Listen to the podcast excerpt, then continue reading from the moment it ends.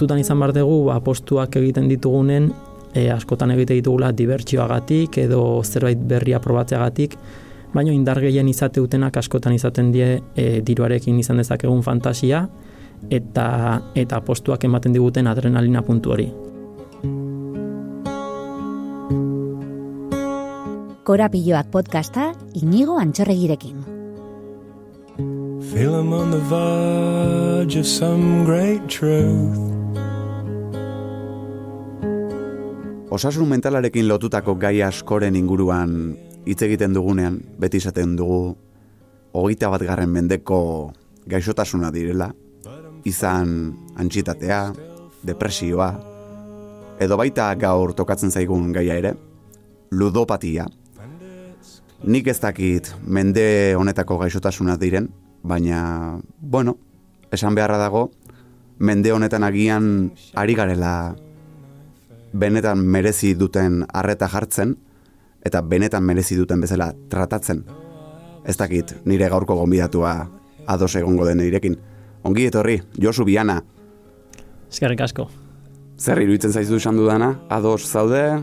Ba, bueno, e, ni ba, aurreko mendean enitzen bizi, edo oso gutxi behintzet, eta ez dakit ze puntu arte ba, jokoaren adikzioa ba, e, egunerokotasunean zegon, baina bai egia da e, irakurri duan historiagatikan ba, ba, duela urte askoko kontua dela, baina bai egia da azkeneko urteetan gehiagora juten ari dan adikzioa dela, e, geroz eta eskuragarriago daukagu ba, apostuak egitea, eta eta horren ondorioz ba, ba geroz eta gazteago hasten da jendea apostuak egiten. Zuzeu, Josu, noiz erori zinean ludopatiaren infernuan? Bueno, e, nik e, beti esaten dut, emezortzi emeretzi urterekin hasi nintzela lehenengo zapostuak egiten, baina, bueno, e, hasiera batetan lagun artean egiten on zerbait zan, astean apostutxo bat, eta zerbait sozial bezala, baina ja, hogei bat urterekin e, egunerokotasun bihurtu zan, egunero apostuak egiten, eta eteritzi zan momentua ja, diruri geratu nintzela, eta momentu horretan ba, ba frenoa edo laguntza eskatu beharren ba, ba azkenen e, egunetik egunera okerrera juntzan. Hau dena hasi zen zure ohiko tabernan apustu makina bat jarri zutenean, ezta? Horrek, o, edo horrek erraztu zu emeintzat? Bai, bueno, e, ni gara hartan e, unibertsitatean egon, eta astelenetikan ostiralera donostin bizi nintzen, eta ostiraletan ba, bueltatzen nintzen zumarra gara egoteko ba, nire lagunekin, eskalagunarekin eta familiarekin. Ostiral gauetan, e, ohitura gendukan ba, gure lagunak zortzi amar lagun ba, taberna berdinera jun, ba, pare bat trago hartu eta eta elkarrekin ba, gure gauzetaz hitz egiteko. Eta ostiral batean junginanean apostu makina jarri zuten. Mhm. Guretzat puntu horretan, ba, ba gaur egun bai egia da taberna askotan horrelako makinak daudela, baina duela amalaba mabost urte ba, zerbait e, berria izan zan guretzat. Ja, yeah, nobedadea. Bai, nobedade bat izan zan, eta eta ardunera baki genuen ba, ba lehenengo aldiz ba, probatzea, ikustea ea zer zan, eta, eta bakoizak apostu bat itea. Asiran elkarrekin hasi zineten, baina gero zeu bakarrik jarraitu zenuen, ez da? Bai, e, astean behin egiten egon nintzanean, bai hori denak elkarrekin egiten gendula, baina ni gehiagora juten hasi nintzan momentuan, e, bai egia nire lagunak ikusten zuten bakarra, zala e, niak, nik astean apostu bakarra egiten nola, hmm. baina gero nik izkutuan bakarka edo deitu nahi ezun bezala, e, bai. ja, e, gehiagora ju nintzen eta eta guzti hori nik bakarrik egiten on zerbait izan. Eta gehiagora egin zuenean, pentsatzen du zure egunerokotasunean ere eragin handia egingo zizula, ezta? Bai guztiz, e, bueno, kontutan izan bar dezu azkenen e, hogeita lau orduak ja e, apostuen inguruan e, egoten nintzela. Yeah. E, ba, dirua nola lortu, e, dirua lortzen momentuan ba, apostuak egiten e, pasatzen on ere denbora, eta eta behin ingurukoei dirua eskatzen hasi nintzanean, eta diru hori bueltatzeko ba, ba ez neukanean nundik bueltatu, ba hor ja gezurrak sartu ziren eta eta egunetik egunera ba nere bizitza okertzen juntzan. Ze ze kalte sufritu zenituen ze bueno, ekonomikoak beti izaten dira askotan garbienak edo gehien ikusten direnak baina ingurue, ingurukoekiko harremanak nola geratu ziren? Bueno, bai, zuk esan dezun bezala, e, ba, bisibleenak e, esango genuke diela ekonomikoak, eta ekonomikoak ba, ba kalte handiak izan ziren, baina niretzako arazorik handienak e, psikologikoak edo, edo nire ingurukoekin ba, erlazioa galtze izan zen. Kontutan izan, ba, nik e, nire gurasoei e, momenturen batean diru eskatu alde manien, eta gero ez nien bueltatzen eta egunetik egunea gezurrak esaten egoten bali nintzen, ba, beraiekin erlazioa ikaragarri oztu eta eta okertu zala. Mm Erlazio guztiak e, gurasoekin kutsatuta edo familiarekin, baina baitaren ere inguruko lagun guztiekin, baita ere nire eskalagunarekin, ordun ba, nik gehien maitenon pertsona guzti horiekin ja erlazioak oso txarrak ziren. Eta idea batiteko, ba, bueno, nik e, ni lasai sentitzeko modu bakarra ja egoera hortan negonean, zan bakarrik egotea, eta albaldin bazan e, mobila itzalita ze modu hortara bintzet banekin inorrek etzila dirurik eskatuko eta eta bintzet lasai egoteko moduren bat eukiko nola. Baina hori ikustezun bezala hori da momentuko zerbait ze banekin berriz ere mobila pizteno momentuan ba arazo guzti horiek e, horregongo ziela.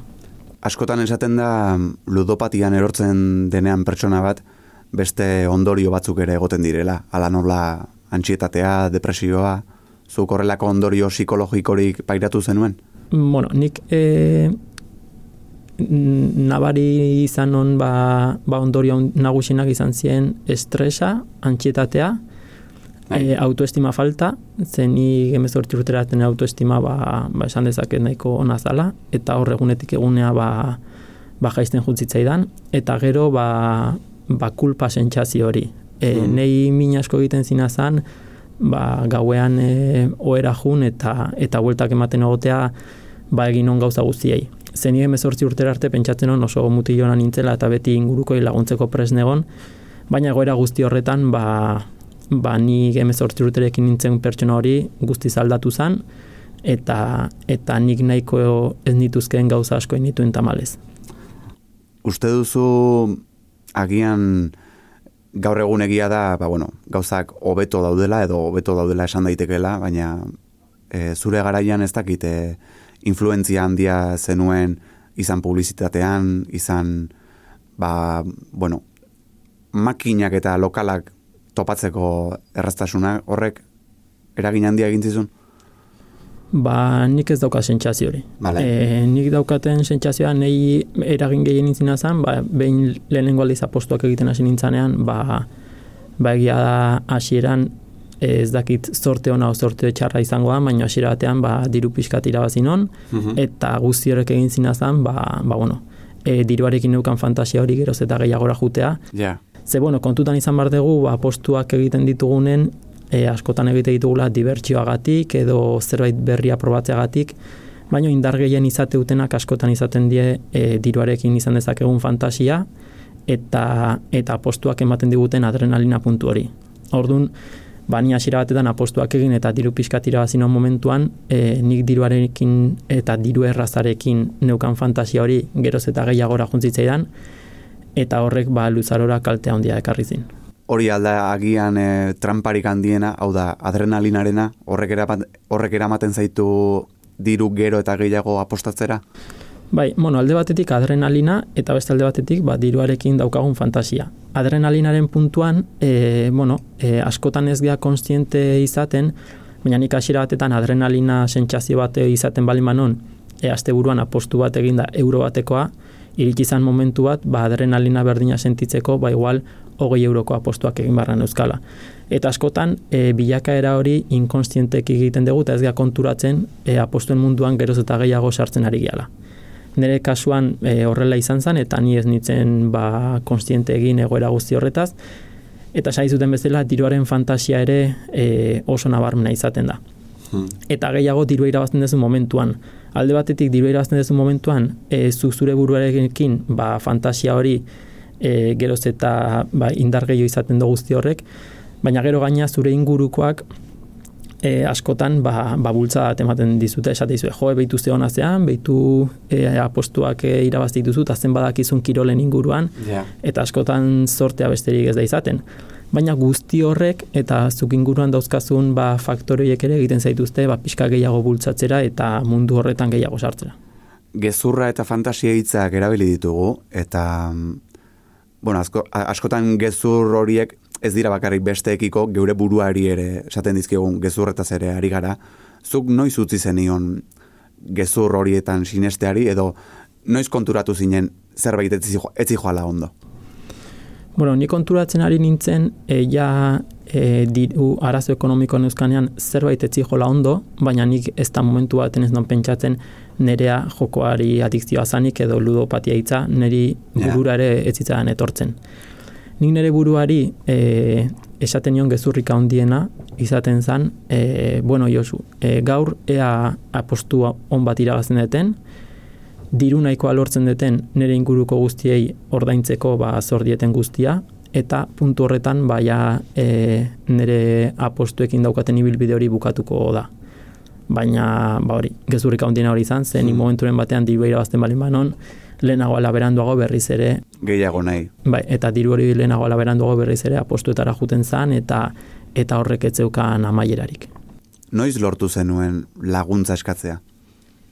Ba, nik eskatu nuen, ogoita zazpi urterekin, eta ja, bu, oso e, momentu txarrak izan ziren eretzat, esan dizuten, lehen esan dako sentimendu txar guzti eta zaparte, ba, ba ez nintzen bat ere ondo sentitzen ere buruarekin, gaina e, ez neuken gogorik e, inorekin erlazionatzeko, ze nire erlazio guztiak guztiz kutsatuta zeuden, eta eta bueno, e, ja ikusten on benetan zerbait faiatzen ari zala nire bizitzan, e, nik bakarrik ezin nola atea, ze beti nik nire ilusioan eukan ni bakarrik guzti hortatik aterako nintzela. E, alde batetik baita txikitatik ba, ba oso muti ona izan naizelako edo etiketa hori izan detelako beti, eta nik askotan esaten, jo, nola jungo naiz ni, hain mutillona katalogatu nautenean, e, arazto guztionekin ba, laguntza esken horbaiten gana. Orduan, ba, ja iritsi da momentua, esan, abitu, igualdo mutillona naizen edo nintzen, igualdo guzti horrek zenik benetan arazoa daukat, ez dakit oso ondo zein arazo, baina arazoa daukat, eta hemen norbaiten laguntza behar dut. Eta laguntza hori errenterian topatu zenuen, ez da? Bai, nik lehenengo ba, kontatu nien nire gurasoei, nire lagunei eta nire neska lagunari, eta momentu horretan e, gehien bat nire familiak ba, ba, bueno, e, garbi ikusi zon, ba, ba, bueno, hemen arazo larri bat zehola, eta beraie jarri zien, konkretukin nire naia jarri zen kontaktuan, ba, ekintza bide elkartearekin, eta han e, ba, eman induten ba, harrera, han eman ziaten ba, ba, pauta jakin batzu guzti hortatik ateatzeko, eta niretzat ba, ba, hau handiz esan dezaket ba, salbazi bat izan zala. Nola funtzionatzen du ludopatia tratatzeko terapia batek edo nola bideratzen da?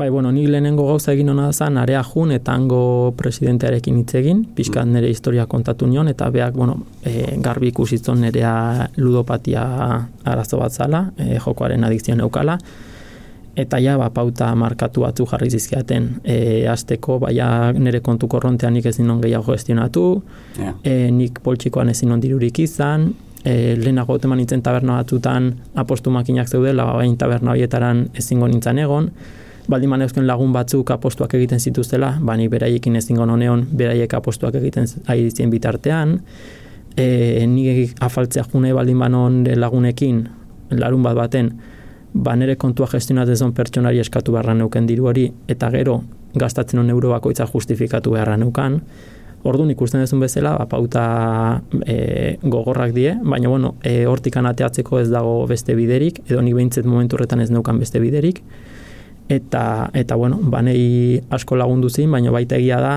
e, aldi beren gogorra diela, ze, ze bueno, guk pertsonak daukagun gauzari garrantzitsuenetako bat edo garrantzitsuena askatasuna baldin bada, nik e, hori guztiz galdunon eta eta bueno, ba niretzat baita momentu komplikatu izan zien. Laguntzan dia, komplikatua, baina laguntzan dia, noiz hasi zinen hola argia ikusten edo ondo zeundela konturatzen?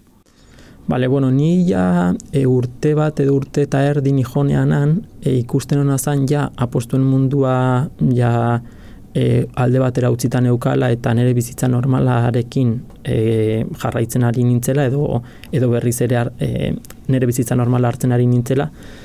Baina bestalde ikusten non azan, nik e, ez niola nere buruari barkatzen egin on gauza, e, gauza guzti horiek, ez nion nere buruari barkatzen bain beste emin egin izana, eta eta guzti horrek e, ematen zinazan hau indikan ansiedade puntu bat, eta eta ikusten on e, nire autoestima ere ba, hogeita zazpi urtere egin txarra nuken, eta e, ba, urter eta erdi horretan ez nola landu, eta guzti horrek egin nintzen ba, bani sentitzea momentu baten ez negola, ez negola ondo eta eta ez nitzela evoluzionatzen niri gustatuko litzeaken bezala. Zeni pertsona razionala naiz gauza batzutarako eta nik behar dut jakin ze pasatzen ari zaiten eta eta ulertu gertatu zitzaidan guztia eta momentu horretan ba ez neuzken e, gauza askoren erantzunak. Berrero horketa bat izan zenuen? Bai, bai, nik e, bueno, kontatu zuten bezala urte eta erdi bat egon nintzen e, ba, gauzak asko hobetzen eta nire bizitza normalarekin ja e, jarraitzen egon nintzen momentua.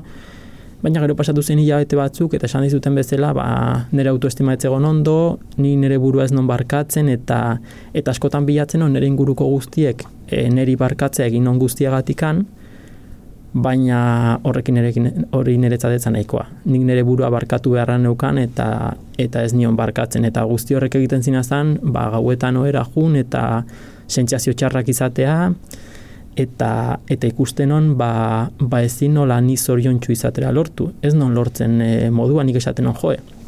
Josua, zenbat gauza egiten naizan ondo eta hala ere ni ez negon ondo. Yeah. Ez nekin gertatzen ari zitzaidan, hor blokeo handi bat sentitu non, eta tamalez ez nintzen gai izan e, ba, nik neuzken sentimentu guztioiek konpartitzeko, eta eritz izan momentu bat, ba, ba hori, e, berriz ere erori nintzela apostuen munduan, hogeita urterekin, eta hori ba, ba nere bizitzako momenturik okerrena izan zen. Kontutan izan bigarren aldiz laguntza eskatu behar izan nola nere ingurukoei, e, imaginatu ze frakaso sentsazioan eukanik nere barruan, hmm. berriz ere ba, guzti hori bizi behar izatea, eta nire ingurukoak hainbeste lagundu ziatenen berriz ere berai laguntza eskatzea oso horra izan zen. Nigo goratzen den eskalagunari esan honen, puf, nik pila sufritu non, beak badakit baita ere, baina nik niretzat ere oso oso horra izan zen, eta prozesu horretan nire eskalagunak utzi egin zidan. Yeah. Berarekin amar urteko erlazioa, e, ba, oso oso momentu komplikatua, esan dituten egoera guzti hori, gehi gainan eskalagunak utzi, gehi gaina adikzioan sartuta, eta, eta bueno, ba, ba nere momenturik gogorrena, baino, baino bueno, momentu hortan indarrakatean itun uste ez neuzkan lekutikan eta eta gaur egun arte ba, bidea gogorra baino, baino interesgarri izan da. Gaur egun barkatzen diozu zure buruari? Bai, e, gaur egun nik esango nuke ja etapa hori guztiz e, barkatuta eta onartuta daukatela. E, bueno, psikologoan hasi nintzen ba, ba ba, berriz ere erori nintzanean apostuen munduan, bertan bi urte eta hiru hilabetez egon nintzan, gutxi gora bera, eta bertan ba, gauza asko ulertu nituen, ulertu nituen ze gertatzen ari zitzaidan, e, ikasi non nere burua barkatzen, eta eta guzti horrekin ba, ba bueno, nire autoestima landu non, eta, eta bueno, ba, laguntza ikaragarri izan zen niretzat. Eta zure buruarekin duzun harremana hobetu den bezala, ingurukoekin ere hobetu da? Bai, garbi, e, askotan esaten da edo esaldi bat, e, primero tienes que quererte a ti mismo para luego querer a los demás, ez? Hori hmm. asko entzuten dan zerbait da, baina askotan ez diogu behar dan atentzioa jartzen horri. Eta yeah. nire kasuan hori izan zen, e, oso oso garbi izan zen. Nik nire burua e, ulertu non momentuan nire burua barkatu, nire autoestima landu, nire relazioak guztiz aldatu ziren eta eta egunetik egunea basekulako bekuntza jaso zuten. Gaur egun jaso zenuen laguntza eskaintzen zabiltza, eskoletako gazte hitzaldiak eskaintzen, zer antzun izaten dute edo ze aurkitzen duzu bertan?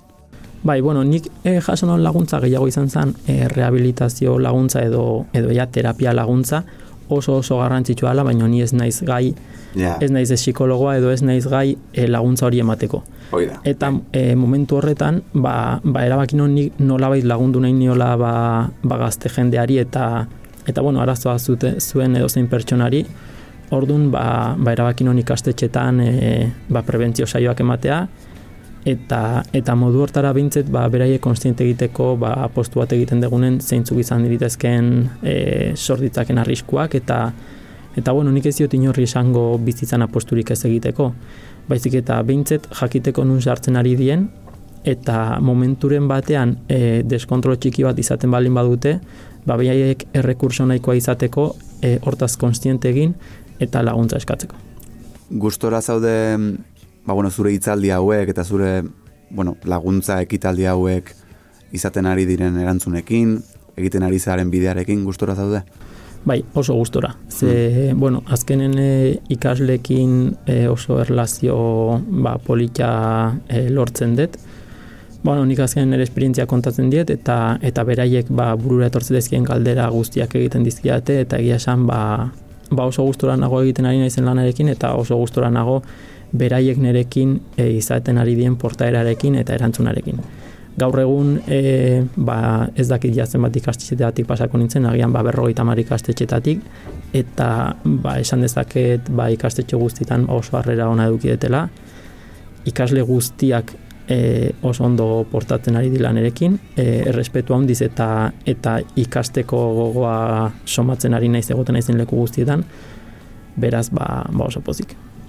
Eta oraintxe bertan zuk pasatako egoera hortatik pasatzen ari den norbaiti, zer esango zenioke? Ba, nik e, emango nion e, bueno, pauta interesgarriena e, izango zen konstiente baldin bada momentu honetan ja deskontrol bat izaten ari dela laguntza eskatzekoa.